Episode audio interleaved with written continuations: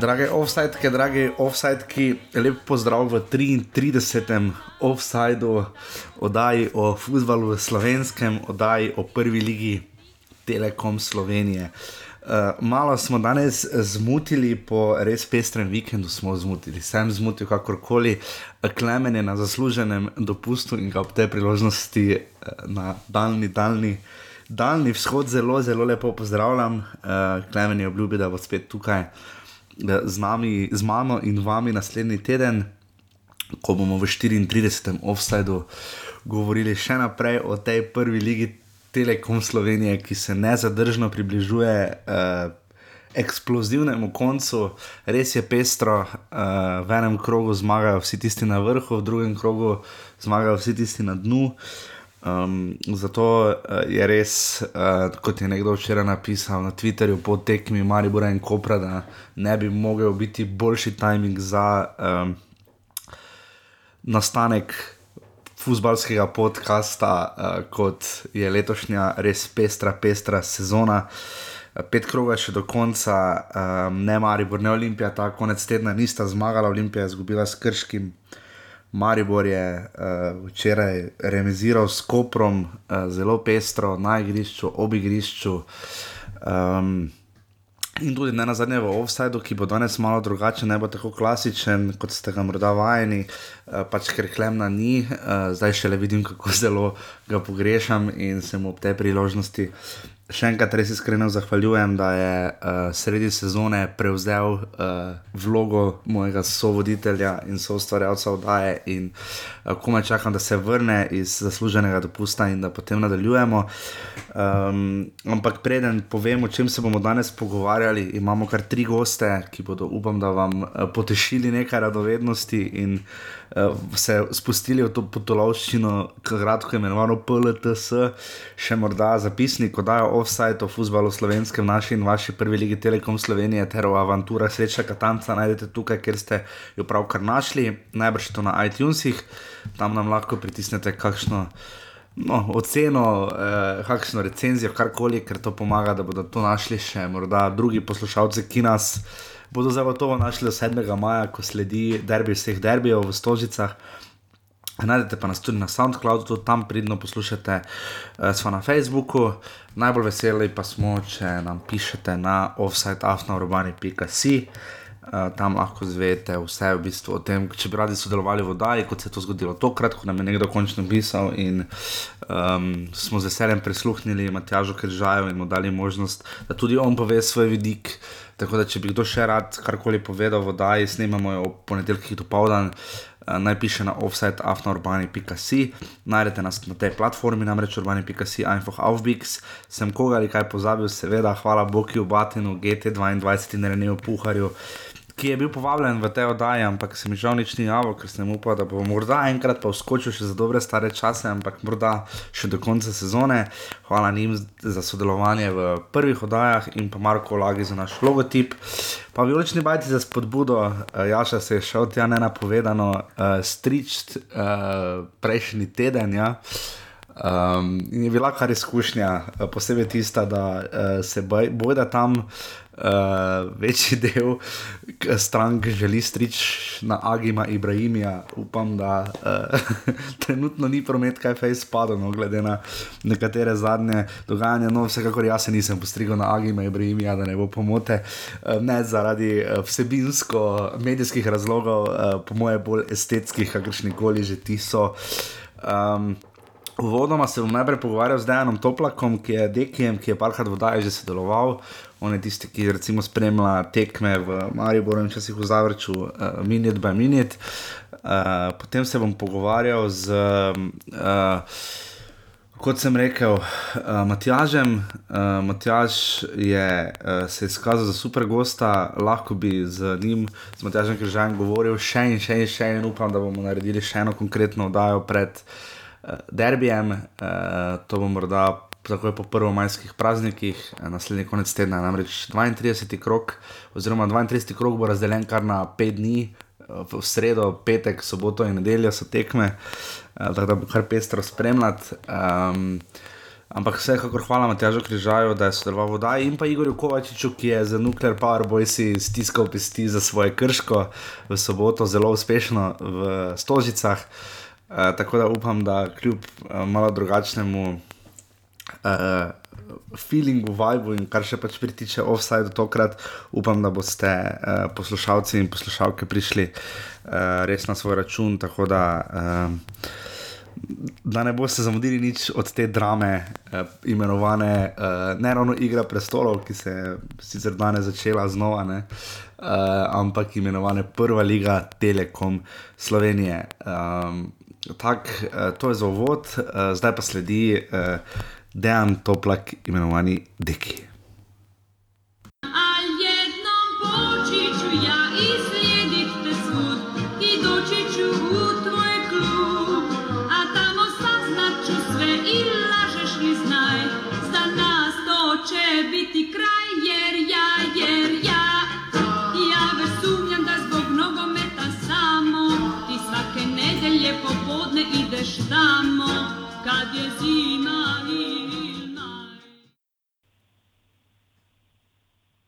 Tako, naš naslednji, imaš prvi, oj, naslednji gost, uh, malo jih bomo premetali. Naš prvi gost danes je, kot rečeno, Dejan, top, Dejan, Dejan, Dejan Toplak, imenovani Deki, uh, ki ga do zdaj že poznate. Uh, bivši Golman, človek, ki zelo rad uh, brani nogometne sodnike v prvi legi Telekom Slovenije, ne hec, hec, hec na stran, uh, skrbnik oziroma. Uh, kako bi se temu rekel, so avtor, kaj je to avtor, tisti, ki spremlja tekme minut za minut za prvo ligo Telekom Slovenije v Mariboru in občasno tudi parkrat v Zavrču, čeprav vem. Ne? Um, skoraj vedno v Zavrču. Skoraj vedno v Zavrču in pa zelo pogosto tudi v Ljudskem vrtu. Uh, Deki, servus, dober dan. Dober dan. Uh, Deki, kakšen dan je, kakšen dan je, uh, v bistvu obeta se dopust. Eh, praznike v sredo, pa potem v ponedeljek, ampak uh, liga se nadaljuje, nikoli bolj pestro kot zdaj. Ne? Res je, res je. Taka liga kot je letošnja, je res izredno zanimiva. No? Praktično skrbi za pestrost uh, iz kroga v krog. No? Uh mhm. -huh. Ampak žal pomalo negativnih zadev, no? moram reči. No? Tudi negativni del, ne. Včeraj smo bili v Ljudskem vrtu, uh, pa greva kar zakaj bi, zakaj bi koloratili okrog ne 2 proti 2, Maribor proti Kopru, uh, dva gola Novakoviča in pa Štromajer in Andrej Asič sta zadela za Koper. Uh, zelo, mislim, zelo dober, soliden, zelo soliden, prvi počas Maribora, velik napad. Uh, veliko, kar nekaj priložnosti, ampak uh, potem je Maribor dal gol, ko ga je najmanj v bistvu hotel dati, oziroma v bistvu je pripravljal kaj drugega kot pa penal. Uh, Uh, ampak kako si, kak si ti videl, recimo, včerajšnje dogajanje v Ljudskem vrtu, na igrišču, ob igrišču, pod igriščem, nad igriščem?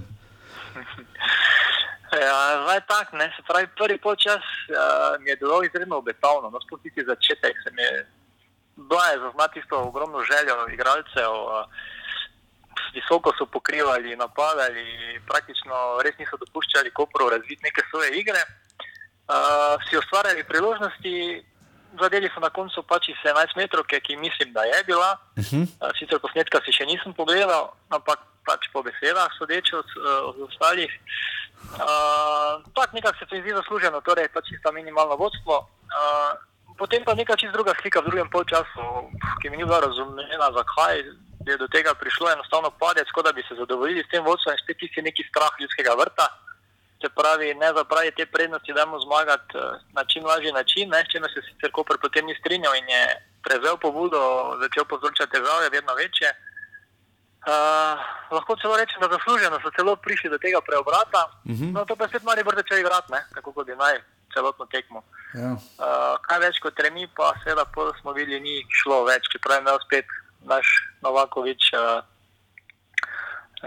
med žogo, ne, lahko rekli zaključno žogo, ki pa je spet ni izkoristil, ne, tisto, ko pa je potrebno, pa mu spet nekaj zmanjka. Ja, ta je bila game set match championship point skoraj da, ne. Tako, uh, ne, da, ne vem, pač tak izkušen igralec, kot je on, osamljen, zdaj po sredini Golmana, kaj je zdaj, no. To bi za enega mladica, mladiča uh, pričakoval, ne na drugi strani smo pa videli našega mladiča Kramariča, kak je zaključil. Ja, pa ker smo videli na, na ta, če kamera gledamo levo gol in v domžalah, in v, eh, mislim, in eh, domžalah se dale taki gol. In uh, v, v, v, v Novem mestu je padel podoben gol, uh, tudi mislim, da v Novi Gorici, ko je šel igralec sam proti Golmanu in mu spustil desno. Uh, v bistvu so očitno se cilja desni kot ne spodnji iz prizme napadalca. Novakoviču pa ni uspelo in potem so se pač zgodile frustracije, ta ultimat, na katerega ne bomo rekel, da smo vsi pozabili, ampak nekako nismo razmišljali, morda toliko o njem po koncu tekme. Ne? Ja, jaz moram reči, da sem čakal reakcijo. Uh -huh. zdaj, zdaj verjetno ciljaš na. Ja, ampak kakšno reakcijo? Ne? Jaz, ne vem, jaz nisem točno vedel, ali bo navijač. Mislim, zadovoljen s točko proti ekipi, ki, uh, ki se bori za obstanek, ki ni šlo, res pa da je Koper se predstavljal po popolnoma po, po drugi luči. Ne, na zadnje to je nogomet, ne? žoga je okrogla. Tako se je trener Kopra je na koncu tudi sam povedal, da je verjetno prvič, kar je on videl svojo ekipo v takšni izvedbi, kot je dejansko bila danes včeraj v Ljudskem vrtu. Mm -hmm. Tako da tudi oni so sami priznali, da so odigrali eno dobro tekmo. Uh, kar se pa tiče teh navijačev, pa ja, jaz sem se pravi, jaz sem pričakoval že od samega začetka, ko sem zvedel za ta ultimat, torej 24 točk, me zanima, mm -hmm. kaj pa bo, ko se to ne bo zgodilo. Ne? Mm -hmm. Uh, se pravi, ko bo pač prvi civil, da te 14 točk ne bo. Ne? Pač to je bilo za pričakovati realno, da vse 14 točk vseeno ne bodo osvojili naši fanti, uh mhm. -huh. oziroma biološki fanti. Ja. Um, ja, in sem čakal na reakcijo, zdaj kaj bo dejansko. Ne? Potem in ja, bila je spet burna, ne? morda preburna za moje pojme. Uh mhm. -huh. Sicer jaz sam sem nekega mnenja, meni je všeč ta malo ta balkanska mentaliteta, temperamentni navijači, tudi neki pritisk more biti, no pač to je novo med, zato pač ga igrajo. Ampak uh, vse to ne bi moral dati, uh, zdaj pod to ne, dejansko je šlo malo predaleč, uh, to slačenje dresov, um, grožnje in sem pa tja, kaj vem.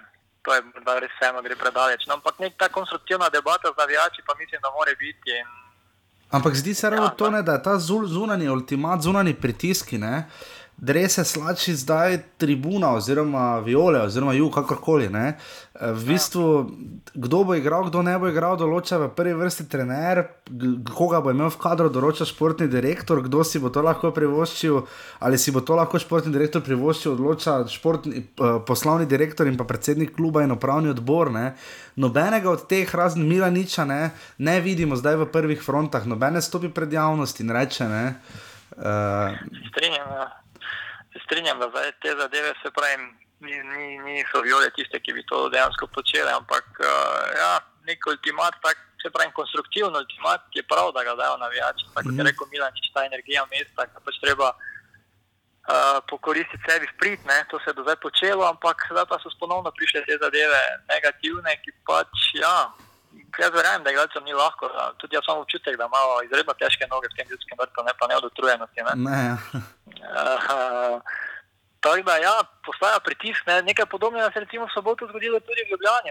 Absolutno. Ni tako potencirano kot zdaj te viole. Uh mhm. -huh. Vseeno je tam mati šel ves uh, poklapan do Dragonsov, ki so ga, bom rekel, tudi uh, precej goreče klicali, naj pride tja igralci, ostali niso želeli iti, pa so, ne vem, koliko mi je znano, so šli si kaj in se pogovorili in mač sicer malo bolj mirno, ne, ampak oziroma tudi leta 2013 so Dragonsi svačili drese uh, olimpijnim nogometašom in tako naprej. Skratka, ni osamljen primer, pa vendar le se potencira zgolj te viole, ne? kaj so storile in kaj se dogaja v Sloveniji. Ne? Ne mhm. Zdaj, veliko se eh, čaka, se seveda tudi, kaj bo storil disciplinski, kaj bo disciplinski sodnik, disciplinska komisija. Uh, ja, ja. Glede na to, kako je ravnala v primeru uh, Marka Nikoliča, ne, ki, hvala lepa na svidenje, ne, uh, se zna, mislim, kaj, kaj ti pričakuješ. No, zdaj to bomo še ponovadi trajali, disciplinska komisija, vsaj dan, dva. Ne. Ja, zdaj, jaz mislim, da v tem primeru, kaj je za narediti, je zgolj to, da se pač zapre tribuna, zdaj ima stadion. Pač kaj, zdaj, zdaj kaj druga, pa morda kakšna kazen klubu, no, kar še kakor bo. Ne. Če, če ne druga, zaradi bakl, ponovno. Ne. Uh -huh. uh, ne vem, zdaj kaj druga, pa mislim, da vseeno jim to ni za narediti. Dejstvo je, da so pač zdaj kaj pač oni kakšno komunikacijo pač imajo med seboj. Uh -huh tega zdaj mislim, da no, nogometna zveza oziroma disciplinska komisija ne more urejati. Zdaj špekuliramo, ampak če bi NZS zaprla oziroma disciplinska komisija stadion za dve tekmi, recimo, ne? Mar... Ja. Ja. Ja, jaz mislim, da je možno načeloma. Tudi so tam uradne osebe, ne, fotografi in tako naprej. Zdaj ne vem, kako se je tam z njimi dogajalo, čeprav so tudi bili spleteni. Uh mhm. -huh. se pravi, zdaj bolj komunikacija z igralci, dokler ni prišlo nekega fizičnega obračunavanja, vseeno mislim, da ne vem, če lahko koliko, koliko pač oni imajo tu možnost, da posežejo. Ne. Pač primer Nikolič pa je bil pač nekaj drugega. Dobro, ne. ti ste čisto nekaj drugega. Pač, Povedal sem ne bi- samo, da tam je striktno Ja. in rigorozno, ne, zelo ostro Zelo ne. Ja. Jaz pač tudi mislim, da malo, čeprav se bo morda zdaj kdo zgražal tudi na tem, ampak tudi jaz ne podobnega mnenja, kot je bil kapetan Matič, ne, da pač smo bolj papeški od papeža na nek način. A, ker ja, ni primerno, ni bil primern odziv, a, se strinjam tudi za mlade, oziroma pa če se vzgaja v tem duhu športnem in se te akcije proti, ne vem, fair, mislim, za fair play, proti rasizmu in tako naprej, a, potem pa se nekaj takšnega zgodi, da je to res. A, Ampak jaz mislim, da 3-4 tekme, pa kakšna denarna kazen je bila čisto dovolj. Ne, ne, Ja, samo pravila so kot so. tu se- ne, ne. Tu se je vključil BBC, pa tako naprej. Ne, mislim, da je tudi to veli, veliko pomenilo Mhm. uh, in vplivalo na to zgodbo. Kar se pa tiče Mandariča in potem vse te prekinitve pogodb, pa mislim, da je to zgolj uh, izgovor za gospoda Mandariča, ki je, mislim, da samo čakal na nekšne, nekakšne takšne primere, da se poseže po teh svojih uh, ukrepih. No. Pritisk je, Ja, prišel do, ži, pritisk je res Ja. prišel do živega in Mariboru in Olimpiji, to se zdaj vidi. Ne, ne, ne da si na, noben ne želi naslova od njiju, seveda si ga oba kluba, ampak uh, Maribor je že imel med tednom nekaj težav z Avrečem, ne, v pokalu je moral podaljške za finale. Olimpija je imela tri tiskovne konference in na koncu izgubila s Krškim in se ne, pač ne znajde, imamo pomočnika trenerja, pa pomočnik pomočnika, pa novi trener na tribuni. Uh, ta pestrost lige, ne, um, zdi se, da je res ta medijska pozornost uh, prehitela, mogoče malo, oziroma presenetila oba kluba po svoje. Ne? Ja, kaj, zdaj tak, zdaj, če je Maribor presenetila, pol se mi zdi to malo zaskrbljujoče, ker vseeno Maribor ima ta marketing, Mhm. uh -huh. pa PR na kar eni visoki ravni. Ne. Na drugi strani Olimpijo razumem, da je presenetila marsikaj. ne. In to je tisti ključen primer, da malo mogoče skrenem s teme. No. Um, ta Mandarič dejansko pač uh, gradi zgolj neko ekipo, ne daje klubu ne vem, neke širine, ne? se pravi, ne dela se kaj dosti na marketingu, na, PR oziroma malo se, ampak to bo zaradi rezultata. Ne vlaga se širino tega kluba, oziroma še vse druge inštance tega kluba, dejansko zgolj samo pač strokovni kader eh, in pa igralce. Eh, Dela te svoje biznise, menjava, ko se njemu zazdi. Tako da jaz mislim, da ni, niso, Olimpija ni na zdravih temeljih, še vedno ne, ne. Se pravi, z odhodom Mandariča, ko se tako zelo govori in omenja, vprašanje, kaj lahko ostane od te Olimpije, ne, ker zdi se, da je to nje, njegov klub, ne, tudi ti milijoni, oziroma dobro, morda bo postil v nekih pozitivnih številkah, ampak klubu potem brez vsega, ne, brez športnega direktora, brez predsednika, brez vsega, ne vem, ni neke, ne gradi nekega kluba, no, ampak dejansko samo Mhm. Na kratek rok rezultate ustvarja. No? Uh, bodi si na igrišču, bodi si pač v, na kontu, ne? ampak se pravi, ta konto pa vemo, če ga je, saj mislim. No? Ne dela nekaj za nogometno šolo, da bi jo razvijal, ne vem. Ne? In Ja. ja. tako naprej, oziroma ne na kader eh, krepi tudi na drugih službah uh, in sferah, ki pač morajo biti za, na takšnem klubu. No? Če se vrnemo na PR, uh, ja, Olimpijo, kot sem rekel, verjamem, da jo je presenetilo, vse nima še tega tako razvitega, medtem ko pa Maribor pa mislim, da vse te ukrepe, ki izvaja, to je del marketinga oziroma tega kriznega komuniciranja, ne, kot se reče. Ne. In jaz mislim, da ga dokaj uspešno opravlja tudi ta zahod, to je bil del tega, ne, ki je na Mhm. koncu spet dal misliti in spet nekako preobrnil, oziroma da pač Ibrahim se ni dal in je spet obrnil. Ne. Mhm. Ampak ja, to je del tega. Ne. Morda vprašanje okrog Olimpije. Ne, ne bi v bistvu, Milan Mandarič je veliko govoril v minulem tednu o uh, dolgoročni prihodnosti kluba. Ne? Da on upa, da bo klub tudi, ko njega ne bo tu in mu je ušlo iz ust, ali bo to junija ali septembra, zdaj zakaj bi na pamet taka dva datuma rekel, seveda jo ni rekel na Ja. pamet. Ne? Uh, tudi nogometni koledar veliko pove, zakaj je povedal ta dva datuma, ampak uh, ne bi v bistvu najboljša dolgoročna prihodnost za Olimpijo trenutno bil ravno naslov. Ne? Eh, Ja, sigurno bi bil lažji, ne? oziroma ja, nekako pač ja. Sigurno bi se na naslovu lažje gradilo kot na ne naslovu. Ne, Mhm. uh, ne vem, uh, vse pa jaz še vedno mislim, da je ta Olimpija še vedno tako zelo nedorečena, čeprav zdaj izgleda kot ne vem, marsikdo govori, da se pač zdaj imamo dva velika kluba spet nazaj, dva evropska. Ampak jaz vseeno mislim, da je ta milni mehuček lahko hitro poči s Ljubljani. Ne, ne vem, meni se ne zdi to zdrav temelj. Ne. Vse spet na mandariča, ne, dejansko. In kar bo on odšel, on, ne vem, no. On je sicer morda te dolgove poplačal, kaj so pač imeli do uh, no, rastoderja, ne. Mm -hmm. Ampak uh, te dobički, pa vse nas mislim, da bo šli bolj na konto gospoda Mandariča, kot pa kluba, ne, kaj so mhm. pač ustvarjali z temi igravci. Jaz mislim, da en dober biznis trajva, kot ga je to počel v tujini. Nikjer se ni ne vem kako dolgo zadržal, ne vse posod je pač šlo skozi te neke dobiček, ne. Ja. Tudi Ljubljana, zaradi tega, ne, njegovega biznisa, ni pa toliko, mm, ne vem. Mhm.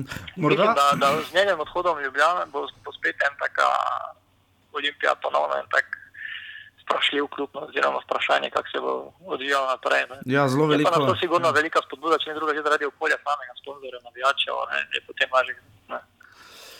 Morda, eh, dejan, uh, mogoče pogledamo za trenutek, uh, pa se bo še vrnil k Mariboru in Olimpiji. Uh, dno lestvice, uh, zmagali so uh, Krka, celje, uh, Krka, celje, Krško, ne? so vsi zmagali, uh, pa Koper je remiziral. Uh, Kaj ti to vidiš? Ne? Ja, vsekakor so zagrabili. Ne? Moštva spodnjega dela lesice so zagrabila, videla so, da, je, da ni več heca, en drugega se mi zdi, dela močnejšega, se pravi konkurenca, kajača pravijo in to se prav vidi, ne? se pravi, kak ne vem, zmaga krško, tako je že naslednji dan zmaga krka, ne vem, posebno nasprotno kot z vrhom. Ja. Pri vrhu pa ravno nasprotno, ne? skratka, ja, spodnji del lesice, ne vem, očitno psihično zelo dobro pripravljen, oziroma uh -huh. Ne vem, pa je tako breme teh vodilnih klubov, čeprav ne vem, recimo Zavrč, pa to ne vem, kakšno breme imajo oni. Ja, Slavko Matič je povedal po tekmi v Novem mestu, da, želel, uh, da so želeli pač potipati boj za Evropo. Ne? Ja, Približali bi se Gorici, ki je izgubila v tem krogu za celjem, domžale so se pa končno, končno rezultatsko pobrali, očitno zdaj, ko več nima česa izgubiti v tej sezoni. Uh, pokal so zapravili uh, proti celju, ker kar konkretno, ne, že na prvi tekmi, pa potem še na drugi.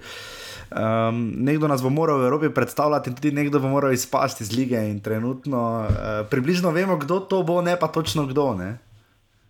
Ja, se pravi, vse posod so neki izrisi, so narejeni, ne? ampak ja, zanimivo bo do konca in zgoraj in spodaj.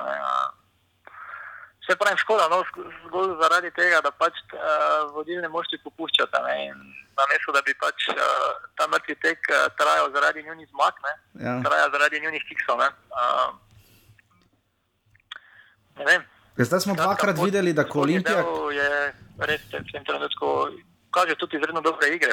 Vsi, ne, krško je recimo v Ljubljani, lahko rekli, skrno dušilo. No. Uh mhm. -huh. Tudi Mariboru se je dobro zaprstavilo. No, pač, sicer brez teh štirih, mali borčano, na rekovajih, pa kljub temu so postili dober stisk. Ne. Kaj ti misliš, se bo Dino Hotič po tej predstavi Martin Kramarič, njuna dolgoročna prihodnost, vem, kam ali voro, kakšna je? Ja, težko reči. Uh -huh. uh, kaj, da mislim, da Dino Hotič je material, ne?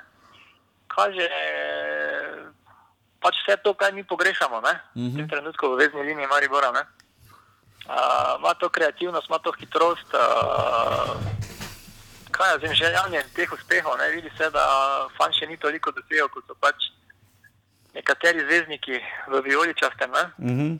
uh, pač ta motiv je zelo vprašljiv, ne se mi zdi. Pri vseh vsi kažejo, da znajo, še vedno znajo, ko želijo. Ne? Oziroma, ne morem reči, da ne želijo, ampak uh, to je ta psih, psihološki moment. Vem, ko pač pride do tiste neke blokade, ko se vse ne poklopi, je zelo težko igrati. Ne vem, to lahko tudi nekako iz sebe izhaja. Vem, kak je, ko pride ta neka črna serija, ko enostavno glava ni na prvem mestu, pa čeprav ni to da samo rečeš, tako bomo pa mi dobro igrali. Ne. Vse jaz verjamem, da se ni to reče, ampak to ni kar čez noč naredne. Tudi lahko vidimo, ne vem. Ko je en favorit v Evropi, ne vem, če ima Real Madrid na zagusti, tudi ne more reči tako, da pa bomo šli, pa bomo dali pet komadov. Ne gre, yeah. ne, ja. enostavno, ko enkrat ne krene tako treba, je težko to preobrniti na tiste pozitivne termite. Mhm. Kako ti vidiš ta pozitivizem, ki vlada v Darku Miraniču, ki je bil včeraj zadovoljen s točko, uh, ki pač je zelo pozitivno, optimistično pristopa k Mariborski zgodbi svoji drugi? Ne? Pa, Vse pravim, jaz mogoče tudi ne bi uh, zdaj vzel, da je on bil zadovoljen. Ne? On ni bil zadovoljen, ampak je pač v vsem tem slabem iskal nekaj pozitivnega. Ne? Mm -hmm. Pomiril je malo strasti, no pač se pravim, potrebuje zdaj, da bi še en dodatno uh, špuknil na krbit, ne? da se po domače izrazim, ampak je treba pač vseeno strasti malo pomiriti, koliko se pač da. Ne? Saj, ja, mm -hmm. ko dobro razmisliš, misliš pa kaj govoriš, ne? ampak spet del tega kriznega komuniciranja. No? Pač, uh, treba je nekaj reči, treba stopiti pred novinarjem. Ja, kaj večeš? Vse je realno povedal, da je tudi razočaranje ogromno slačilnici, mm da, da niso oni veseli, da bi se za točko približali. Ja. Se je priznal, da je ogromno razočaranje, tako na tribunah kot v slačilnici. Ampak vseeno pa na koncu, koncu si za točko bliže, kar je res. In na tem optimizmu je treba graditi. Ne? Se pravi, da je to uh, slačenje igralcev in grožnje igralcem. In to ne bo pomagalo, ne? kvečemu bo še na slabše šlo. Jaz vseeno mislim, da bi pač viole morale, ne vem, malo drugače pristopiti. Ja, vem, da so pač neke zamere, pa nočni shodi v igri in v zadju. Ampak to je treba rešiti na koncu. Ne? Zdaj je treba mhm. stopiti za ekipo, uh, dati neko pozitivno energijo. To je bilo tudi recimo iz uh, vzhodne tribune, recimo kljub vsem žigom iz vzhodne tribune, bilo tudi slišati nekaj aplauzov, igralcev, ko so šli z sklonjenimi mhm. glavami, so činice to se mi zdelo ok. Pač mm -hmm. Stalo se vede, da, ni, da seveda je razočaranje, ampak kaj je fante do konca treba stisniti. Ja, ni še konec. Na kaj, koncu, ja, tako, na koncu. kaj pa Rodolfo pač. Vanoli, ne? kakšna bo njegova zgodba pri Olimpiji, glede na to, kaj smo videli doslej? Slišiš Rodolfo Vanoli, je tako naslednja beseda bunker. Ne? Uh, zdaj se bo recimo moral proti Kopru na Bonifiki uh, znajti brez Mihe Zajce in Hrvoje Čaleta. Ne? Ki sta kaznovali. Hrvo je čale, meni niti ni zdaj, se mi zdi, da je to ukrepitev za Olimpijo, čeprav ne vem, zakaj je gospod Nikolič imel tako rad. Ne. Uh, ja, zdaj pa je že druga pesem, ne. njega bo sigurno pogrešal. Ne vem, kaj bi rekel gospodu Vanjolju, ne vem, zanimivo je tudi, da ga Zlatko, ne, bo rečeno, da ga tu Zlatko spoštuje, oziroma je v uh -huh. nekih kombinacijah, da bi prišel tudi v Maribor. Ne vem, meni se niko ni zdel nek super trener, je pa res, da je deloval v Kopru, ki je tudi neko specifika. Ne, veš, imaš, ne vem, no, koliko je pač sploh moč tam delati. Ampak ja, osvojil je takrat tisto ekipo, je osvojil pokal, ne, mm -hmm. motim, ne? Ja, ja, lani, ja. ja uh, ne vem, ne vem. Težko reči, da se pravi, Ljubljana bo čisto drugo okolje, čisto druge prioritete, čisto drugi pritiski, tudi ne na zadnje, drugi igralski kader bomo videli, kaj se bo spustil. Pač, Kopor je pač deloval kot je. To smo rekli bolj definitivno, ampak. Ja. Razpored je morda malo bližje, mogoče napisano Olimpiji, ne, ne na zadnje, z Mariborom igra doma. Uh, Olimpija mogoče nima takšnega pritiska pred domačo publiko ne, uh, kot Maribor. Uh, Maribor igra v zadnjem krogu, recimo z Gorico. Uh, Kako ti vidiš do konca ta uh, mrtvi tek, ki je sicer zdaj sta oba, obe kljusi sta zdaj malo obnemogli? Ne? Ampak... Ja, zdaj smo se pogovarjali ne, po včerajšnji tekmi, da um, smo skoraj enotnega mnenja, da bo Olimpija težko zmagala v Kopru. Sploh si mm -hmm. se bo Koper predstavljal v takšni lučni, luči ja, v ljudskem vrtu. Olimpija gola ne zna dati, ja, trenutno. Ja, ne, uh, kar se pa tiče drugih problemov, pa je da tudi vprašanje, če ima vrsto sposobnost zmagati s celjem. to so res re relevantna in konkretna vprašanja, ne? ki se ja, jih recimo ne. lani jeseni ne bi kje, ne? mislim, valjda, halo. Ne? Nekega cvetenja violic še ni zanimivo, je to krivo vreme, ki se nikak ne more pomladanskim temperaturam. Ja, včeraj je kar zeblo, ja. Obrniti, ne vem, skratka, res je prav nimaš nekega zaupanja več v to, da bo dejansko Maribor pa zdaj do konca, ali pa Olimpija do konca, da bo ta brez uh, kiksa šla naprej, ne, do pač naslova, kdo ga bo pač osvojil, oziroma da bo ta sama odločila zgor na derbijo. Kar se tiče tega derbija, če se že njih dotaknem, se mi morda celo zdi bolj pozitivno, da to derbi v Ljubljani, ker večkrat očitno je, da ta ekipa pred ljudskim vrtom igra z neko ročno zavoro. Uh -huh. um, morda bo bolj sproščen iz Ljubljana, uh, podpora bo pa tistih navijačev, ki bo to dejansko prišli podpirati v uh, Ljubljano, ki mislim, da tudi ne bo majhna, ne? uh mhm. -huh. kljub vsem dogodkom. Tako da kaj vem. Preostane, pa preostane nam pa, deki, absolutno nam pa preostane ključno vprašanje ne, v tem oziru, ne, kar se derbija tiče. Um, kdo bo sodo? ja, jaz, sem, jaz bi dal roko v ogno, da bo eden izmed teh UEFA sodnikov. Zdaj, uh, jaz mislim, da bo FIFA sodnikov. Ne? Zdaj tukaj sta se pravi, uh, Damir Skomina bi znal biti, ne? zdaj Zanimivo, da gre tudi jug. Ne? Tak, zanimivo, da Skomina že dolgo zdaj ni mari borosodo. Mislim, da samo ja, proti ja, celju, mislim, ja. da v ljudskem vrtu na v prvem krogu smo na Danskem. Ne? Ja, tako da bi znal biti med kandidati, ne, da bo to tekmo sodil on. Jaz mislim, da tudi glede na to, kakšen praznik in kakšna a, pomembnost tekme bo, da skoraj da ni neke druge opcije, kot pa da sodi on. Razen če bo spet sodniška organizacija presodila, da bo pač nek test za kakšnega drugega sodnika. Ja, zanimivo, da to, tem, ampak, zanimivo, da ne, to za teste, ne. ta teden sodi Matej Juk. Cel je Maribor in pa gospod Žnidaršič sodi Koper Olimpija, Damir Skomina je pa prost, ne vem, morda zaradi UEFA tekem. Ne? Uh, ta teden ja. sta še Liga Prvakov in Evropska liga, nisem še pogledal, kako je z delegiranjem. Ampak v vsakem primeru, glede na točkovno bero, ne, derbi vsekakor ne bo odločilen, ne, uh, teoretično gledano. Ne. Ja, lahko bo, lahko ne bo. Ne. Ne Mislim, noben ne bo teoretično postal prvak v Stožicah. Ne. Uh, to pa res, ja. To pa res. Ker so še potem vendarle štiri kroge, potem, ne, oziroma tri. Ja. Tako. Informa je takšna, kot je, noben več ne more garantirati, da noben več ne bo kiksnil do konca. Ne. Poleg tega bodo ekipe z dna lestvice še naprej grizle, ker to ne bijo ta svoj, to svojo bitko. Uh, pa tudi za Evropo bo postalo zapeto. Tako da, ja, noben ne bo puščal do konca, ne bomo se smel privoščiti, da vsi do konca. Da, ja. ja, Maribor in eh, Olimpija igrata, igrata zadnji dve koli, ne? Maribor v predzadnjem Olimpija, pa v zadnjem ravno za Krko, ne? ki se otegne takrat še točkovno boriti za obstanek. Ne? Tako je. Ja. Deki... Težko karkoli prognozirati tu, ne, na te, na, na tukaj. Ne? Absolutno bomo več videli v soboto in nedeljo v, na areni Petrol in Bonifiki, mislim, da bo pa kar obema kluboma pasalo, da se gre na gostovanje. ja, najverjetneje je res, ne? čeprav uh, celje ni daleč. ja, celje ni daleč, tak, res je. Tako tak, da jaz mislim, da bo spet podpora, bo, ampak jaz upam, da pozitivna. V nasprotnem primeru mislim, da Maribor ne bo uspelo. Uh -huh, uh, z grožnjami in slačenjem dresa po dresu potem to ne bo šlo, no, ker mislim, da so fanti več kot očitno skrčijo in morajo se sprostiti drugače. Ne bo. Ne. Mhm.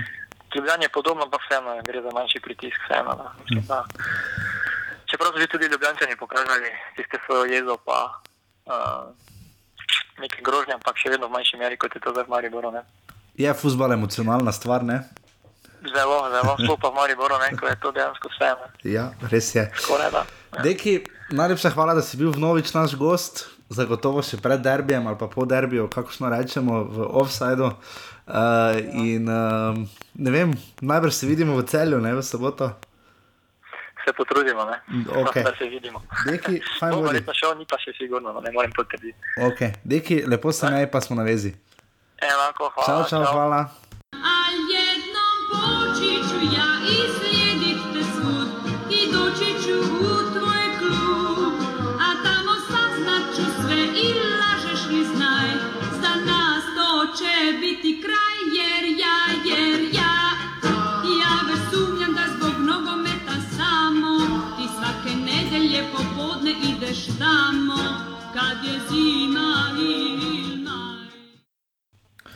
Tako z nami je, kot rečeno, uh, Matjaš Križaj. Uh, kdo in kaj je, upam, da ne bo predolg, pravi, da je retorično fulmočen, se vam bo pa predstavil, uh, kar sam. Tako da, Matjaš, servus, dober dan, lep pozdrav, uh, evo, izvoliš. Ja, ja, na kratko bom poskusil, zdaj si že rekel, da ne bom predolg. Uh, bistvo je tak, uh, sem že kar v letih, star 51 let kar pomnim, spremljam šport, eh, posebej še en Kamaribor, ker tudi moje bivališče, kot v otroštvu, je bilo zraven ljudskega vrta, kjer sem bil pečen. Eh, vsekakor je, se bom osredotočil bolj na to poglavje, uh mhm. -huh. drugače sem bil aktivni košarkar, treniral sem nekaj nogometa, pri meni Kamariboru pa tudi nekaj tenisa. Uh, v bistvu je pa tako, že od vsega otroštva, od 11-10 let naprej, sem hodil na tekme v ljudski vrt, uh mhm. -huh. kjer je še bilo popularno, da si stopil do starejšega gospoda, ga prosil, če te vzame zraven kot uh, tvojega svojega otroka. in na tak način se je pač začela moje poglavje o uh, našem klubu. Uh, v bistvu je bilo tako, že kot nekdaj sem bil fasciniran o tem, uh, koliko ljudje v bistvu vejo, ko sem poslušal debate na samih tekmah. In v bistvu se to v vsem tem času, v vseh teh letih, ni nič spremenilo, le da je zdaj mogoče zadeva malo bolj odprta. Uh -huh. Da so pač včasih debate potekale izključno v gostilnah in na samih tekmah, danes pa se to seli že preko globalnih povezav na vse možne medije in tako naprej. Uh, v bistvu je zadeva taka, tudi v, kasneje, leta, tam okoli leta 2000, sem se volontersko priključil z delovanjem v klubu, uh -huh. uh, pomagal pri postavitvah starega semaforja, ko je Eh, oziroma delovanja semaforja, ko je prišel Maribor v Ligo prvakov, kasneje pač pri raznih računalniških, eh, ker je pač to moj posel. Eh, računalniških opravilih in to je ostalo vse do danes. Mhm. Tako da, Matjaš, če prav razumem, zihar si bil včeraj, zihar si razočaran, zdaj ko semafor, tisti ta velik na jugu, malo, malo neke težave ima, tehnične težave, semafor na jugu ljudskega vrta. Ja, to je ta novi. Ta novi ja. no, jaz se bolj spomnim starega, ki je v bistvu bil tam postavljen, pa ni bil niti planiran za delovanje v zunanjem svetu. Uh -huh. e, tam so moduli zgorevali, ne vem kaj vse, takrat so zgoraj. Jaša je bil tudi zraven, eh, ko smo postavili določene programe, pa povezave do, do zgornje kabine, kjer smo pač objavljali, kdo je dobival kartone. Se spomnim tistega, ko je stegnila se je roka, če se prav spomnim, pa gol je bil taki onapis, vse se spomnim. Ja. ja, ja, takrat je pol že eh, razne vzorce, tisti, ki jih dobivali. No? Uh mhm. -huh. Zdaj je ta zadeva malo bolj moderna, s tem, da eh, je očitno smo opazili, da na jugu uh, je začel neko svojo koreografijo. Tako da bodo že odpravili. Res je. Uh, Matjaš, uh, Dava kar direktno to, ko si rekel, te debate, ki so značilne za Maribor, pa tudi za publiko. Ne? Zdaj so se te debate, te res sebinske, so se preselile uh, na forum, na internet in tako naprej. Uh, kaj pa, ker si dolgoletni obiskovalec, kak danes, uh, kak si recimo včeraj, uh, si bil na tekmi, predvidevam, uh, si verjetno na vzhodu. Ja. Uh, kaj recimo tam, kjer sediš, kako ste pospremili tekmo, uh, videti rezultat, recimo 2-2, kakšna, kakšna publika si ti, oziroma ljudje okrog tebe, ne zajebana, nehvaležna, šinfaška ali polna spodbude, motivacijska, kozarec je pol poln. Uh, kako ste vi to videli, ne? recimo tam ljudje okrog tebe ali pa ti včerajšnjo, recimo dogajanje, ki je zdaj najbolj aktualno? Ja, ta moja ekipa, s katero vedno hodimo na tekme, sedi na zahodu. Aha. To smo še ohranili že od nekdaj. Uh mhm. -huh. Je pa tako, tako kot je v posamezni ekipi, so različni karakteri, tako je tudi pri nas. Uh -huh. uh, jaz sem vedno bil na tej varianti, da je za mene kozarec uh, na pol poln, uh, ker sem že v osnovi pač bolj optimističen, nam tudi v splošnem življenju. Uh -huh. uh, pa, imamo pa med sabo tiste, ki so pač kontra in tako naprej. In tudi pri nas uh, ogromno krat prihaja do nesoglasij, do različnih pogledov, do vsega tega, kar se v bistvu zdaj dogaja. Uh, bistvu še toliko bolj, se pravi, ker je možno včasih se sezati v koncu in tam izliti svoje čustva in tako naprej. Uh mhm. -huh. Jaz bi mogoče povedal tudi eh, to, da uh, je ta forum, za katerega se tudi ve, recimo, ki se pač v Mariboru dogaja in je tudi bil prej. Uh, tudi zelo aktiven na, na uradni strani, uh mhm. -huh. je tudi ena specifika, ki mogoče za ostale forume ni tako značilna. To pa je predvsem to, da tista glavnina ljudi, ki sodeluje na tem forumu, je znanih in se med sabo poznajo in se poznajo z imenom in priimkom in se določeni tudi družijo med seboj. Tako da v bistvu eh, ne gre samo za tisto specifično zadevo, ko se dogaja, ko ljudje kritizirajo, da pač zapišejo svoje mnenje, ker si upajo, zato ker jih noben ne pozna. Uh -huh. uh, tukaj je malo drugače. Ne? Na tem forumu se ljudje poznajo med sabo, ja, ja. je pa dejstvo, da so si različni. Mhm. Eni pač uh, so bolj ognjeviti, to pomeni, da v isti sekundi, kaj pa vem, izvijajo tisto svojo frustracijo ali pa tisto svojo slabo voljo, uh, v bistvu pa mogoče bolj prespijo dan, dva, pa mogoče malo spremenijo mnenje. Eni smo takšni, ki pa navadi vedno prespimo, pa tudi takrat iščemo v neki negativi tisto pozitivno iskrico, ki bi nas pač še ohranjala pri tistem zdravem razumu. Uh, in je dejansko tako, da ta Maribor je specifika, to tako vsi poznamo. Ja. Dejansko je tako, da uh, lepo, lepo se ve, da je 2 milijona selektorjev v Sloveniji, tako je v bistvu v Mariboru, ne vem, recimo rečemo 5000 trenerjev. Uh, ampak je pa nekaj skupnega. Ne? Vsi so dejansko, bom rekel, večina. No? Je res, uh, kako bi rekel, z dušo in srcem z tem našim klubom. Uh, pri tem bom izvzel viole, ki so pač posebna skupina, ki imajo tudi svoje delovanje. Da ve, eni smo, tako jih imenujejo, kravatari, ki sedimo na zahodu, -huh. eni so pač tisti, ki so bili v, kako bi rekel, v mlajših letih še na jugu, pa so zdaj na vzhodu in tako dalje. Ampak dejstvo je, da si vsi želimo uspeha, problem pa nastane, da dosti ljudi išče preveč negative. Uh, dejstvo je, da bi vseeno morali nek šport ali pa neko delovanje imeti z, z tem aspektom, da je to neka dodatna dejavnost, ki ti pač polepša neki popoldan ali kakorkoli. Uh, uh, sam pa vidim zadevo malo drugače. Ne? Predvsem iz tega vidika, mali bodo namreč prišli na taki nivo, da ljudje, ki trdo delajo v službah, ki se borijo za svoj evro vsakodnevni, uh -huh. Uh, vidijo igralce, ki jim je nudeno vse. To pomeni, dejansko je ta klub prišel na tako visoki uh, organizacijski nivo, da igralci resnično študirajo samo o svoji igri, o svojih treningih. In če pri tem dejansko tak človek, oziroma ta skupina ljudi, ki to spremlja, ugotovi, da se ta del začne izkoriščati, da tu ni tistega profesionalizma, ki bi moral biti prisoten, da bi ljudje, oziroma igralci, cenili to, kar v bistvu imajo, eh, prihaja do dosti več negativne energije. Vredno, ampak kdo je tisti, potem, ki bo to energijo nekako usmerjal, jo nadzoroval? Ne? Ker imamo dve skrajnosti. Ne? Na eni strani je eh, nekako. Zdaj ima ta forum, kjer recimo pač pa tipkovnica, pa pač ljudje tam napišejo, povejo svoje mnenja, ki ga seveda bili bi ignorantski, če ne bi verjeli, da v klubu to seveda berejo, se to je jasno. Ne? Ampak na drugi, na drugi strani pa imamo potem, tam se sicer omenijo, zdaj imamo viole, njihova stvar, ampak zdaj imamo pa na drugi strani pa to, da igralci hodijo na zagovor k navijačem ne? in potem tam uh, pač poslušajo o ultimatih in tako naprej. Kako ti to vidiš? Ja. Je specifika, je jasno, ampak zdaj se zdi, kot da uh, definitivno je nekaj, da stadion očitno čisto enoten ni. Vsi so enotni v želji, da bi na Maribor moral biti prvak, pa bog ne da, da bi to bila Olimpija. Uh, to je edino, glede če se trenutno se mi zdi, nekako vsi strinjajo. Ne? Kako ti to vidiš? Ja, samo jaz, jaz bi zdaj rekel drugače. Jaz mislim, da ni zdaj tu največji problem uh, biti prvak. Uh mhm. Ja, mi smo bili zdaj res pet let, smo prvaki, dosegali smo nenormalne rezultate in tako naprej.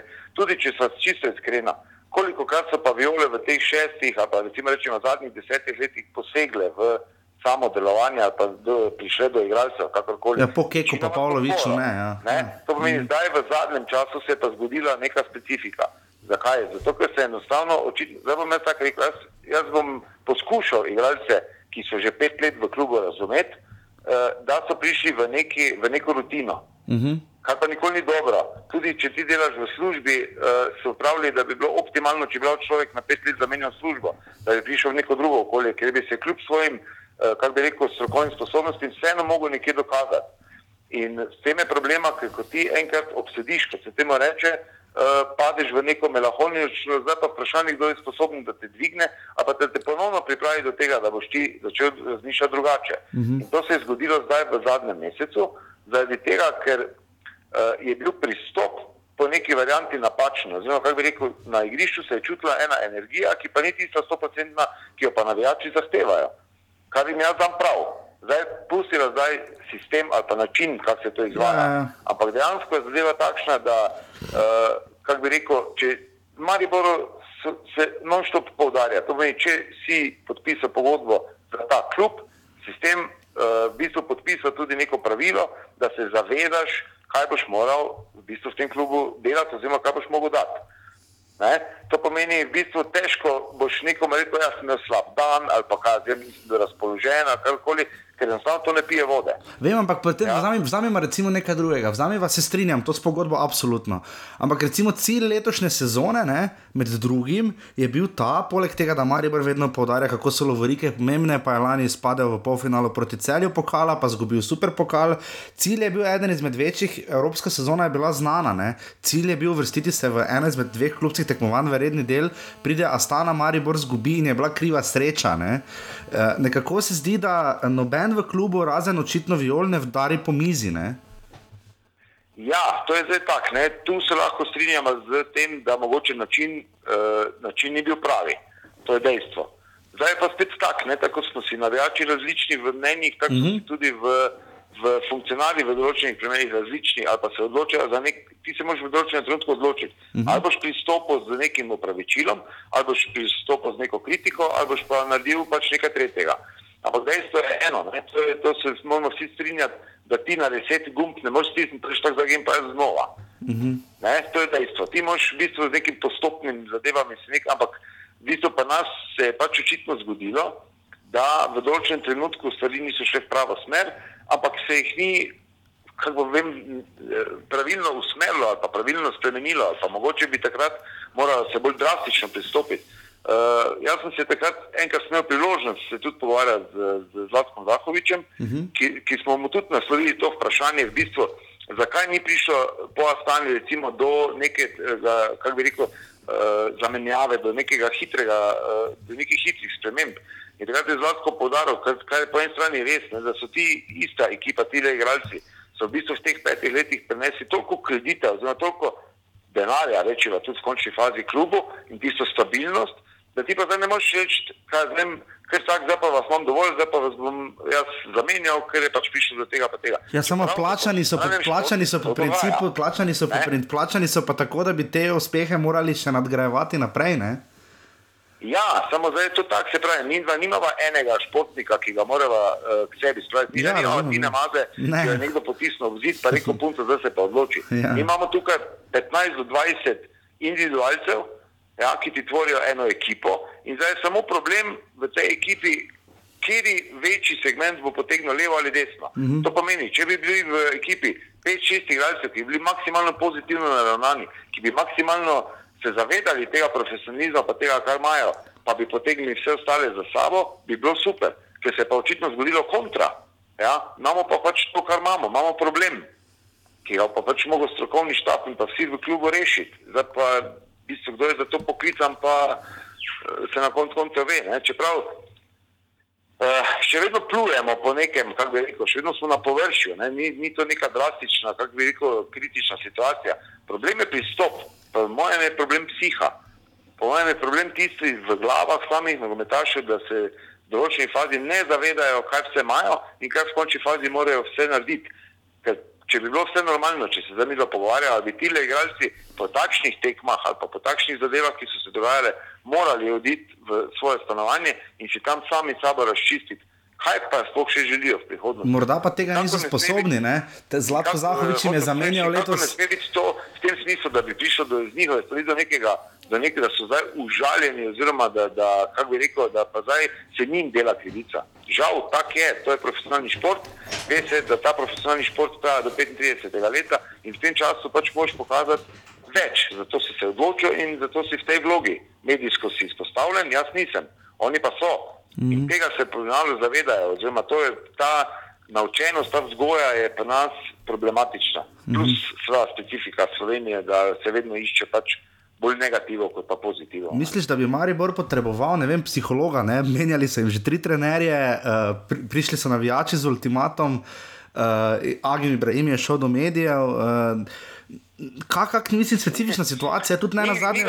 Po mojem oceni ga ni psihologa na tem svetu, ki bi lahko to tako enostavno rešil. Mari bo včasih imel enega psihologa, enega, mislim, da je bil gospod eh, Horvatiča, Horvatiča, mm -hmm. se ne vem, on je delal z temi nogometaši, se z njimi pogovarjal. Ampak v tem primeru se mi da lahko menimo samo mogoče o enem ali dveh igralcih, ki so bili mogoče na, na vrhunskem nivoju, zdaj so pa naenkrat padli, pa, pa se ne ve zakaj, ker so pač mogoče, ne vem, kakšni osebni problemi ali kakorkoli.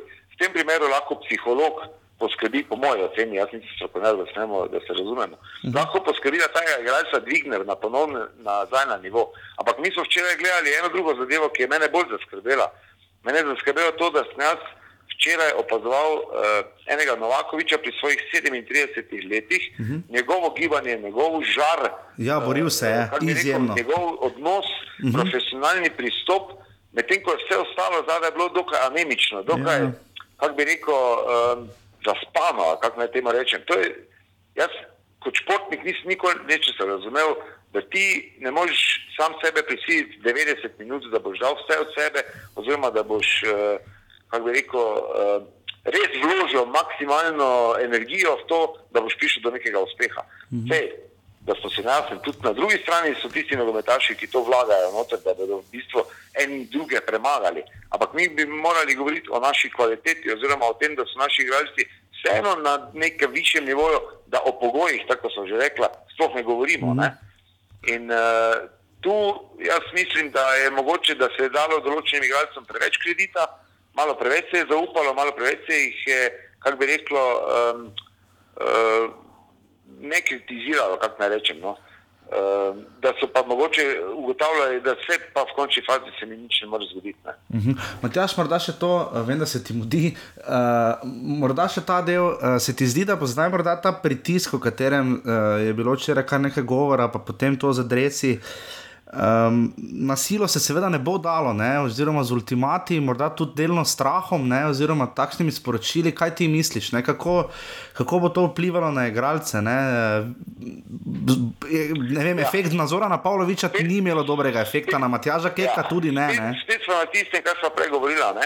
Tale ultimati je dobilo 11 igralcev na igrišču, ki so jim svetli dresa. Zdaj mm. lahko rečemo spet tak. Ne? Če jih je šest ali pa sedem, to vzelo kot pozitivno kot tisto, da bodo ostale za sabo potegnili pol bo super. Mm -hmm. Če pa je zdaj večina tistih, ki so se strašili, večina tistih, ki, ki, so, ki bo za njih to vplivalo negativno, bomo pa imeli kontra sliko. Razumeš? Ampak to noben ne ve. Jaz, ko sem šel v stekme, sem si sam pri sebi, sem prvo bil eh, razočaran, potem sem si pa sam pri sebi mislil, ah, bolj da smo piko za Olimpijo, pa da tam igramo na polno, uh mhm. -huh. kot pa da bi mogoče bili piko spredaj, pa bomo poskušali neodločen rezultat, ne pa se nam bo zgodila kakšna napaka v zadnjih minutah, pa bomo recimo tekmo zgubili. Ja. Pač, to je spet tisto, kar jaz poskušam pozitivno ven povleči.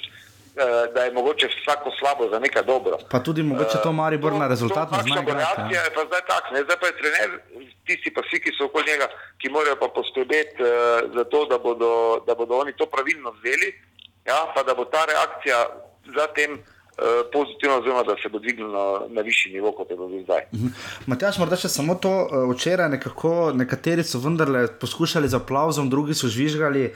Uh, morda je tu ena osnovna psihološka premisa, oziroma že bolj, bolj sociološka. Uh, lahko nam gre slabo v Mariboru, se ne cedi tam imeti mleko, ogromno ljudi hodi delati v Avstrijo, ekonomska situacija ni rožna, ta socialna še manj. Uh, ampak nekako v vsem tem lahko mi gre v življenju slabo, lahko se mi v svet podre, ampak nekaj je jasno, en kamari bo prvak. Ne.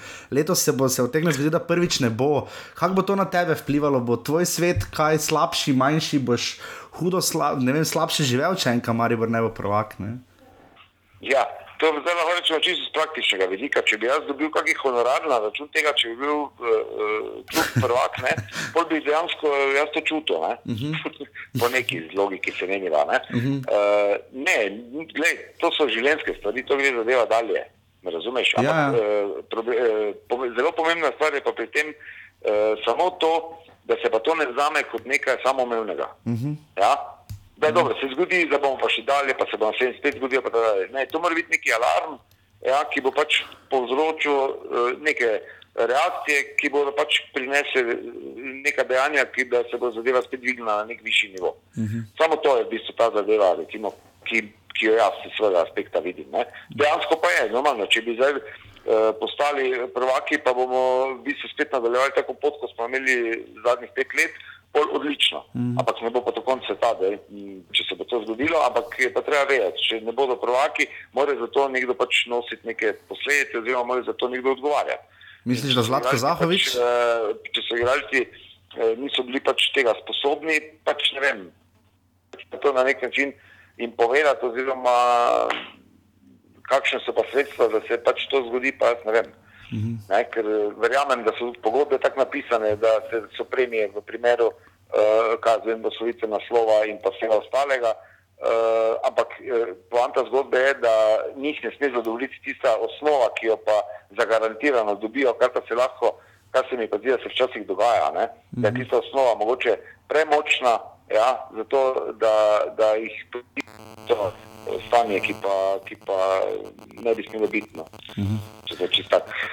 Ampak ne glede na to, kaj se bo zgodilo v naslednjih krogih in 7. maja in na koncu prvenstva, uh, Matjaš, ti boš še drugo leto seveda hodil v ljudski vrt. Ne? Ja, absolutno, se mm -hmm. tako dodajem že zadnjih 30 let, da ni, ni vprašljivo, kar se tega tiče. Je pa dejstvo, ne, masi kaj se zgodi, eh, pet let si lahko heroj eh, v enem dnevu slav bedak, ne? to je klasika pa nas. Ne? In tako se bo tudi uh, zgodilo v prihodnje. Ne? Če bomo mi Olimpijo premagali, rečeva, kaj pa vem, 3 ali 4 0, pa tudi v končni fazi, če bomo samo premagali, uh, se bo s tistim trenutkom vsa stvar obrnila na čisti drugi nivo. Ne? To pa sem pripričan. Matjaš, najlepša hvala. Malenkost. Okay. Res se smo še kdaj, absolutno, ko bomo več imeli časa, tudi v živo sedemo in uh, bomo gostili. Po moje, pred derbijem v Ljubljani bomo naredili kakšen ekstra offside, pa bomo takrat še kakšno rekli, velja. Super. Okay. Najlepša hvala. Vredo, čau. Adijo.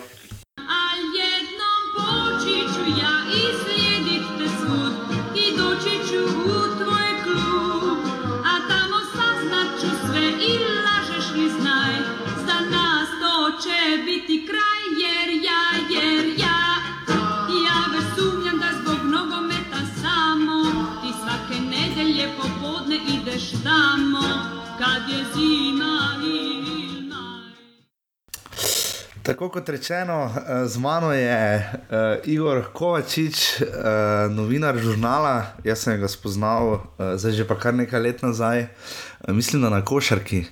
Uh, zdaj pa ne vem, prednjo smo šli v Turčijo na svetovno prvenstvo ali po, ampak uh, zanimivo, da ta košarkarski uh, efekt v tako futbalski oddaji, kot je offside. Uh, Igor, servo zdravo. Zdravo, zdravo.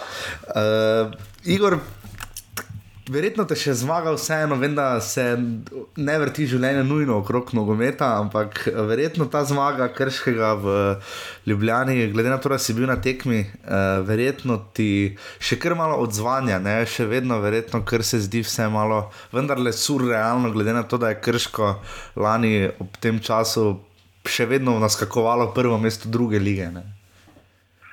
Ja, seveda, seveda. Tudi takoj po tekmi, ko prideš domov, greš še pogledat časovni zamik, uporabiš in če enkrat tekmo celo pogledaš. Da, je pa tudi, da smo šli iz stadiona ven, smo uh, malo skrili, kam imamo oblečeno, ko smo šli še na kakšno pivo, da, ker smo vedeli, da je poraz nekaj zelo težkega, to, kar je bil za Olimpijo. Uh mhm. -huh. Kot pa že omenil, tudi tisto lani. Uh mhm. -huh. Prav je krško prišlo v ligo 93 minuti z golom.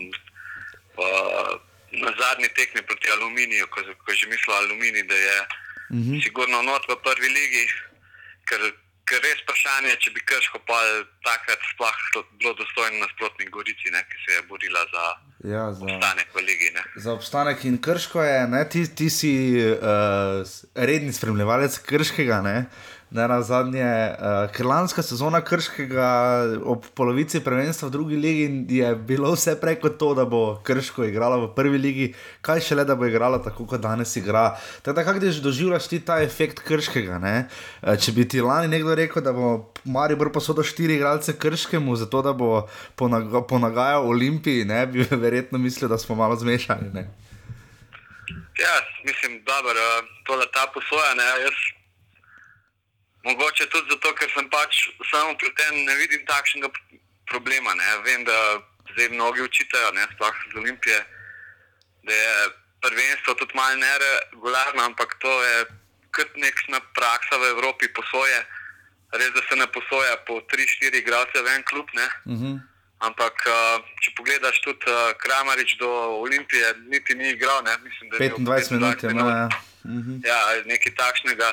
Uh, mislim, Grško je naredil iz tega, ne, kot kaže, res dober posel, ne, ker pravzaprav brez teh igralcev, ki so res veliko prinesli. Ne, Absolutno. Pa, ja, pa tudi ne samo, da so sami prinesli, so tudi naredili konkurenco. Naprimer, en Volarič je napredoval od začetka sezone do zdaj, uh, neverjetno. Ne, Kaj pa mogoče David Poljanec, ne? on je bil tako izrazit v prvem delu, kako, on, kako se je on recimo vklopil v to, v to novo krško, ker krško ima praktično najboljši skor letošnje pomladi med vsemi klubi. Ne?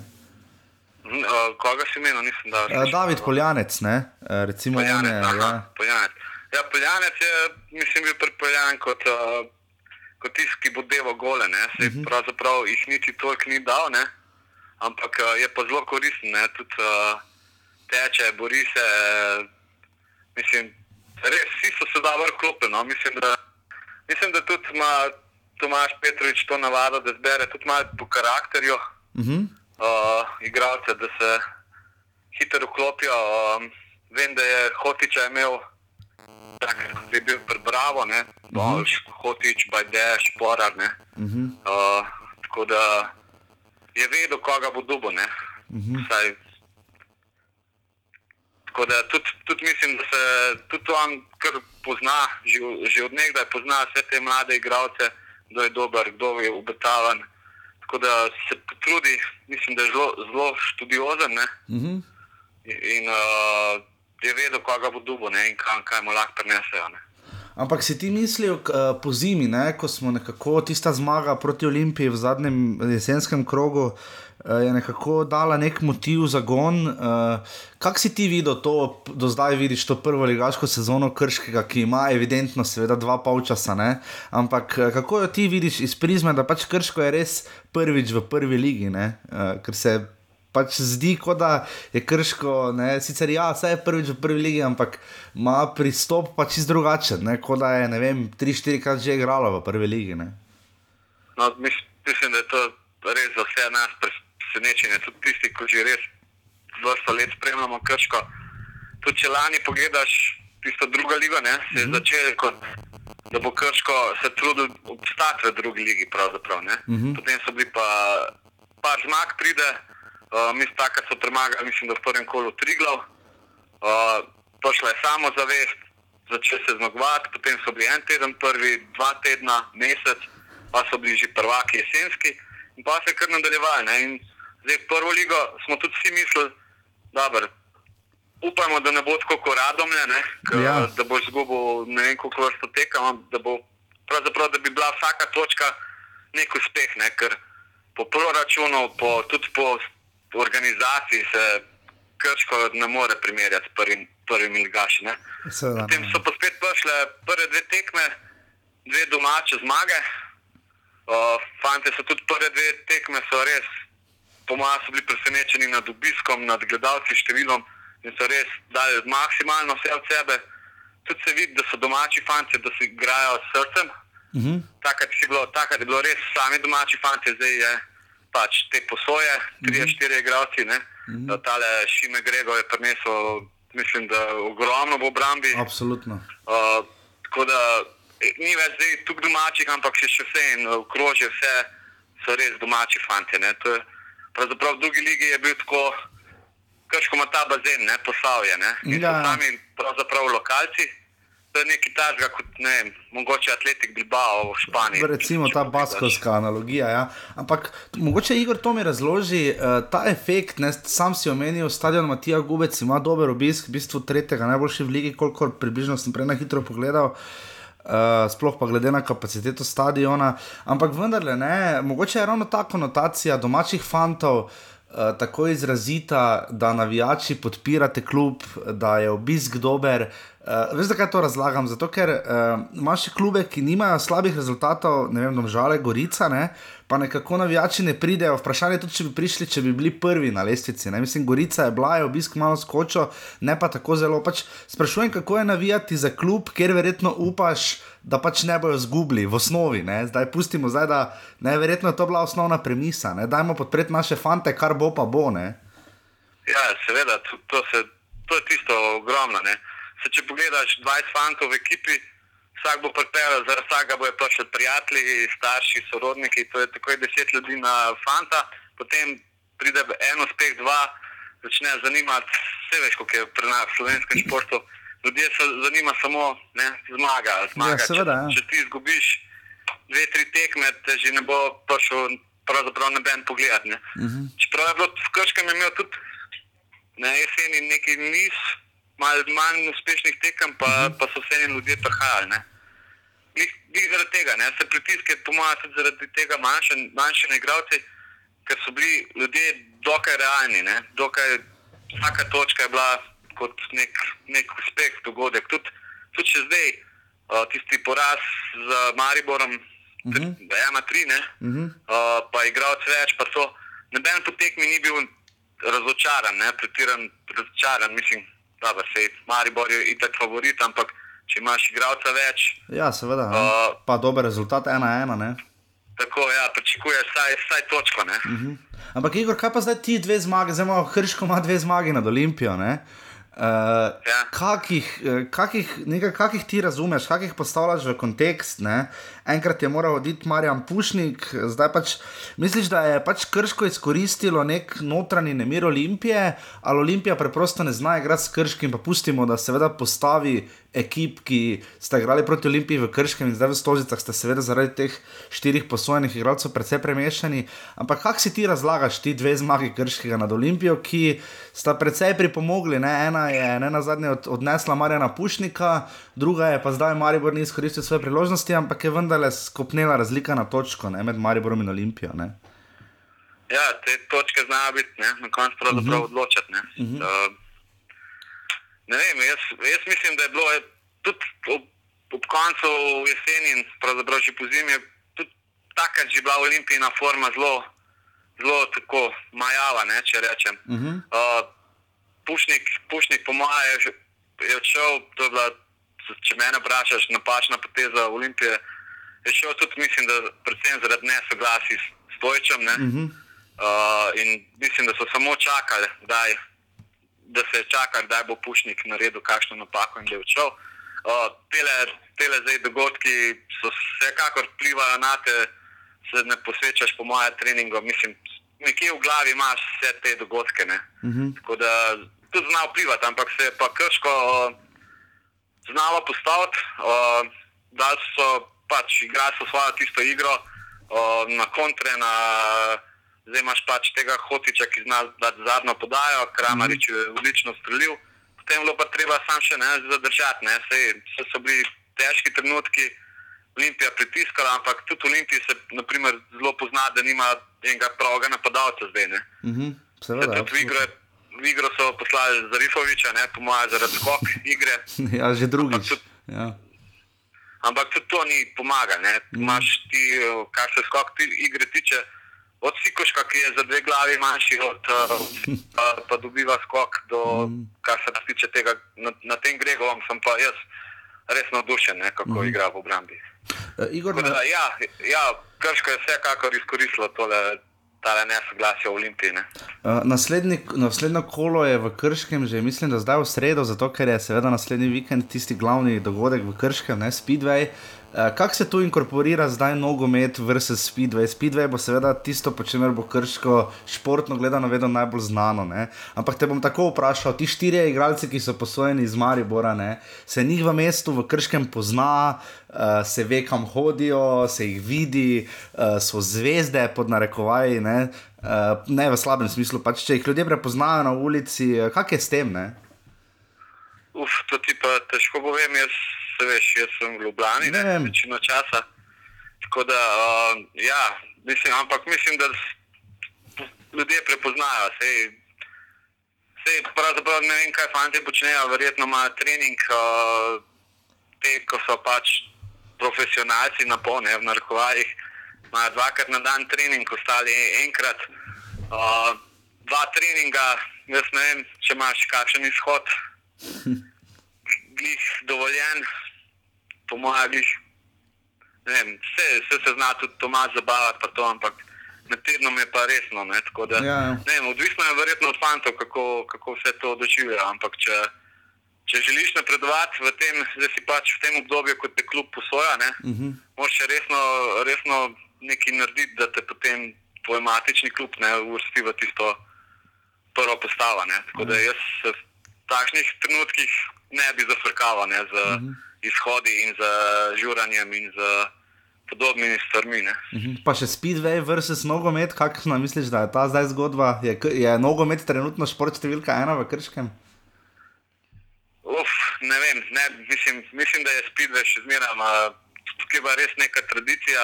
Uh -huh. Uh, na Speedwayu, da pa se res bo ta Grand Prix bil. Ne? Uh -huh. Uh, mislim, da je Grand Prix, ne se. Ja, Grand Jaz Prix, sem ja. bil Speedway, ne spremljam. Ja.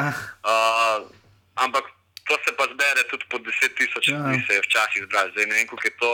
Mene, ni, enkrat sem bil, ni me zanimalo, jaz sem si rekel, štiri krogi v štiri kroge se vozijo en za drugim, pa se nič ne dogaja. Čeprav, čeprav zdaj vidim, da je vse veliko na tem, ne, da se da tudi prehitevati in take stvari.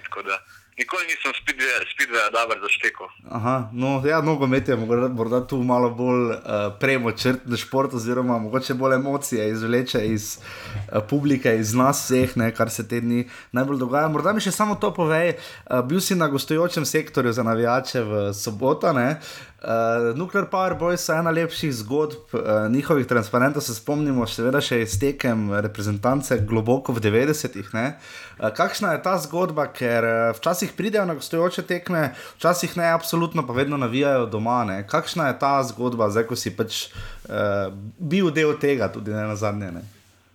Ja, sej, pravzaprav sem bil pred vem, 20 leti že član. Tako da, ko smo.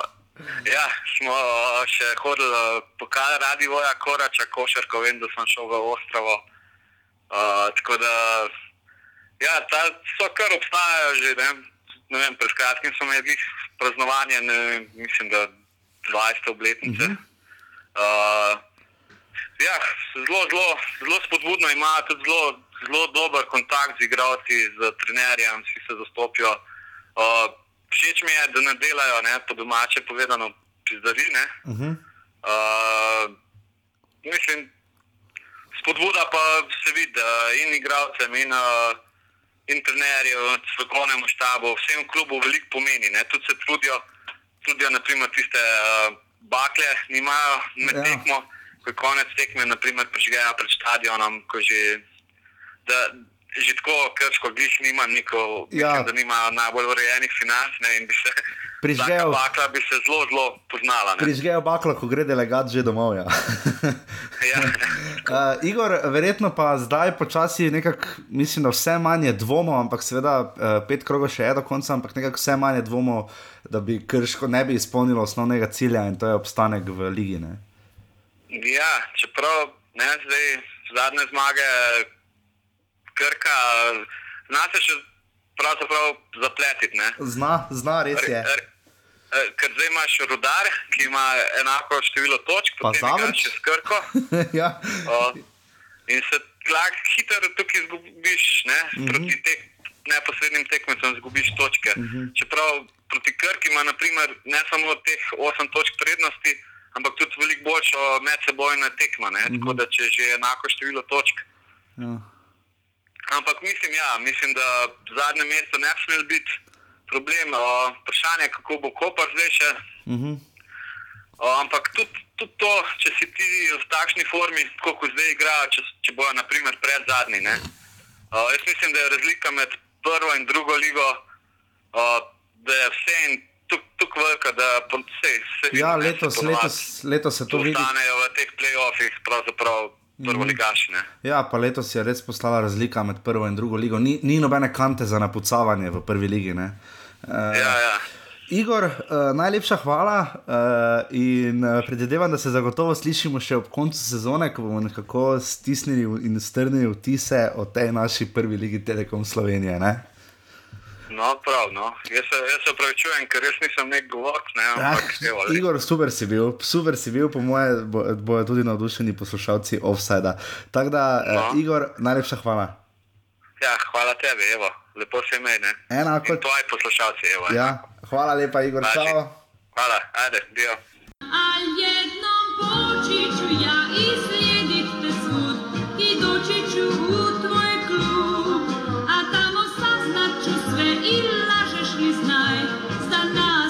to će biti kraj, jer ja, jer ja, ja već sumnjam da zbog nogometa samo, ti svake nedelje popodne ideš tamo, kad je zima i... Tako, drage offsetke, drage offsetki, uh, to so bili uh, Dejan Deki Toplak, uh, Igor Kovačič in pa vmes še Matjaš Križaj. Upam, da so bili fini sogovorniki, upam, da je tehnologija uh, kolikor toliko zadovoljila naša in vaše pričakovanja. Uh, bili smo v 33. offsetu, rumeni in rdeči karton, uh, bomo podelili v Maribor in Ljubljano iz znanih razlogov. Uh, morda pri rumenem bi samo še omenili, uh, da bi morda kriterij Mateja Juga lahko bil malo manj evropski, pa fajn bi bilo, če bi zid postavljal na 9 metrov in mislim, na 15 cm. Uh, živi zid, to bi res bilo dobrodošlo. Um, ampak o tem bomo še verjetno še kaj govorili v bodoče.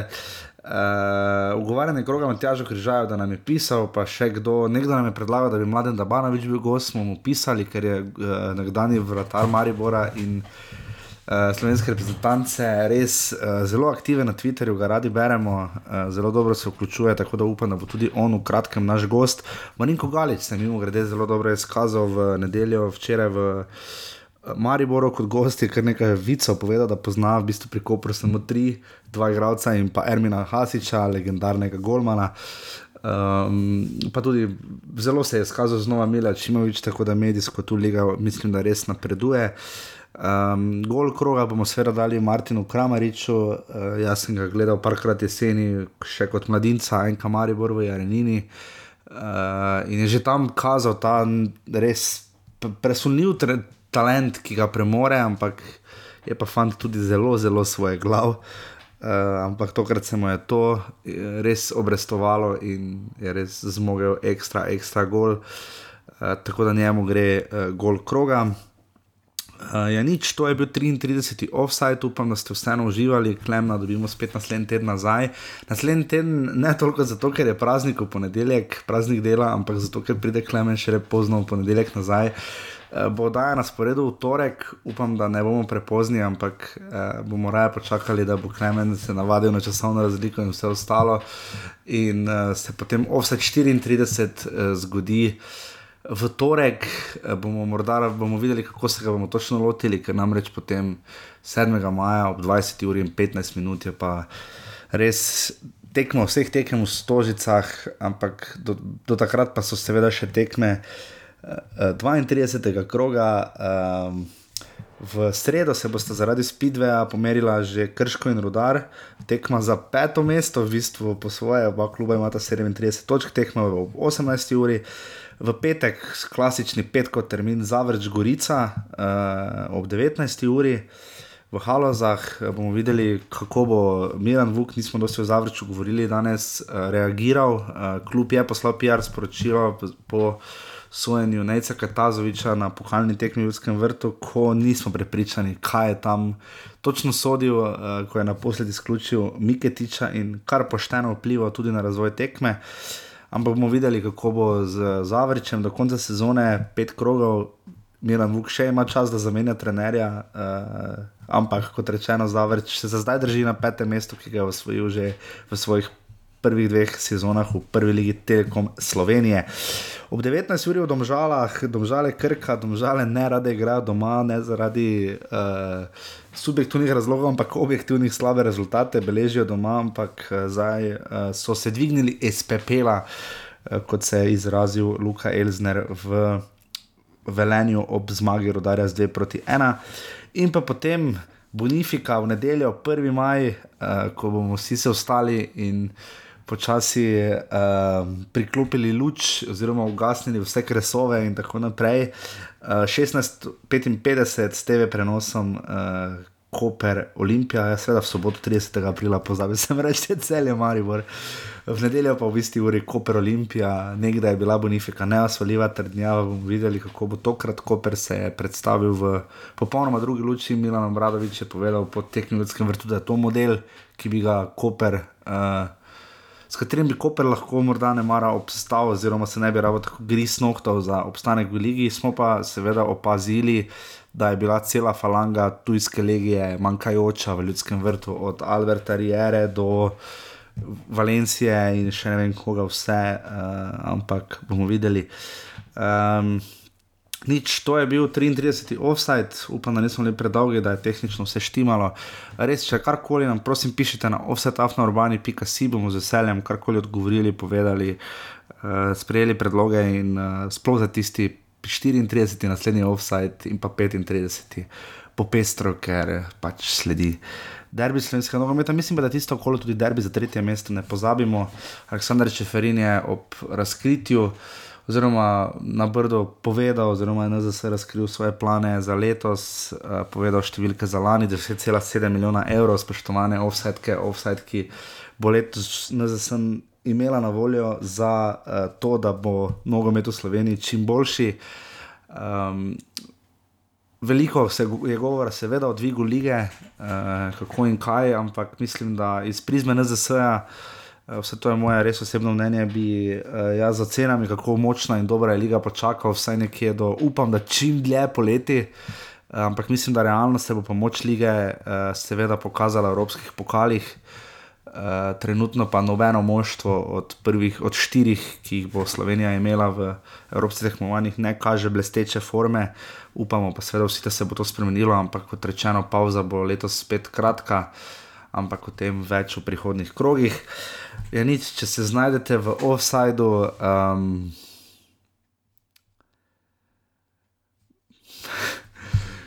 morda ne, ne bom povedal, nekaj znavijače je bilo, ni pomembno. Če se znajdete v offsajdu. Um, ne bom, ne bom, ne bom, ne bi bilo uh, najboljše. Bo. Navadil sem se, da ta drugi del pove Klemen, ki smo ga danes res pogrešali. Hvala, da ste bili z nami in se slišimo spet naslednji, ne ponedeljek, ampak torek. Beti Jurkovič, izvoliš, vi pa lepo bodite in pojdite podpirati uh, svoje futbal lokalne klube od prve pa do pete lige. Uh, ali pa futsal, ne, tudi tam se pesem dogaja, ok, bom končal, bom končal. Uh, to je to res, uh, Beti Jurkovič, izvoliš in zažver goli. Čau, se slišimo naslednji torek, adijo.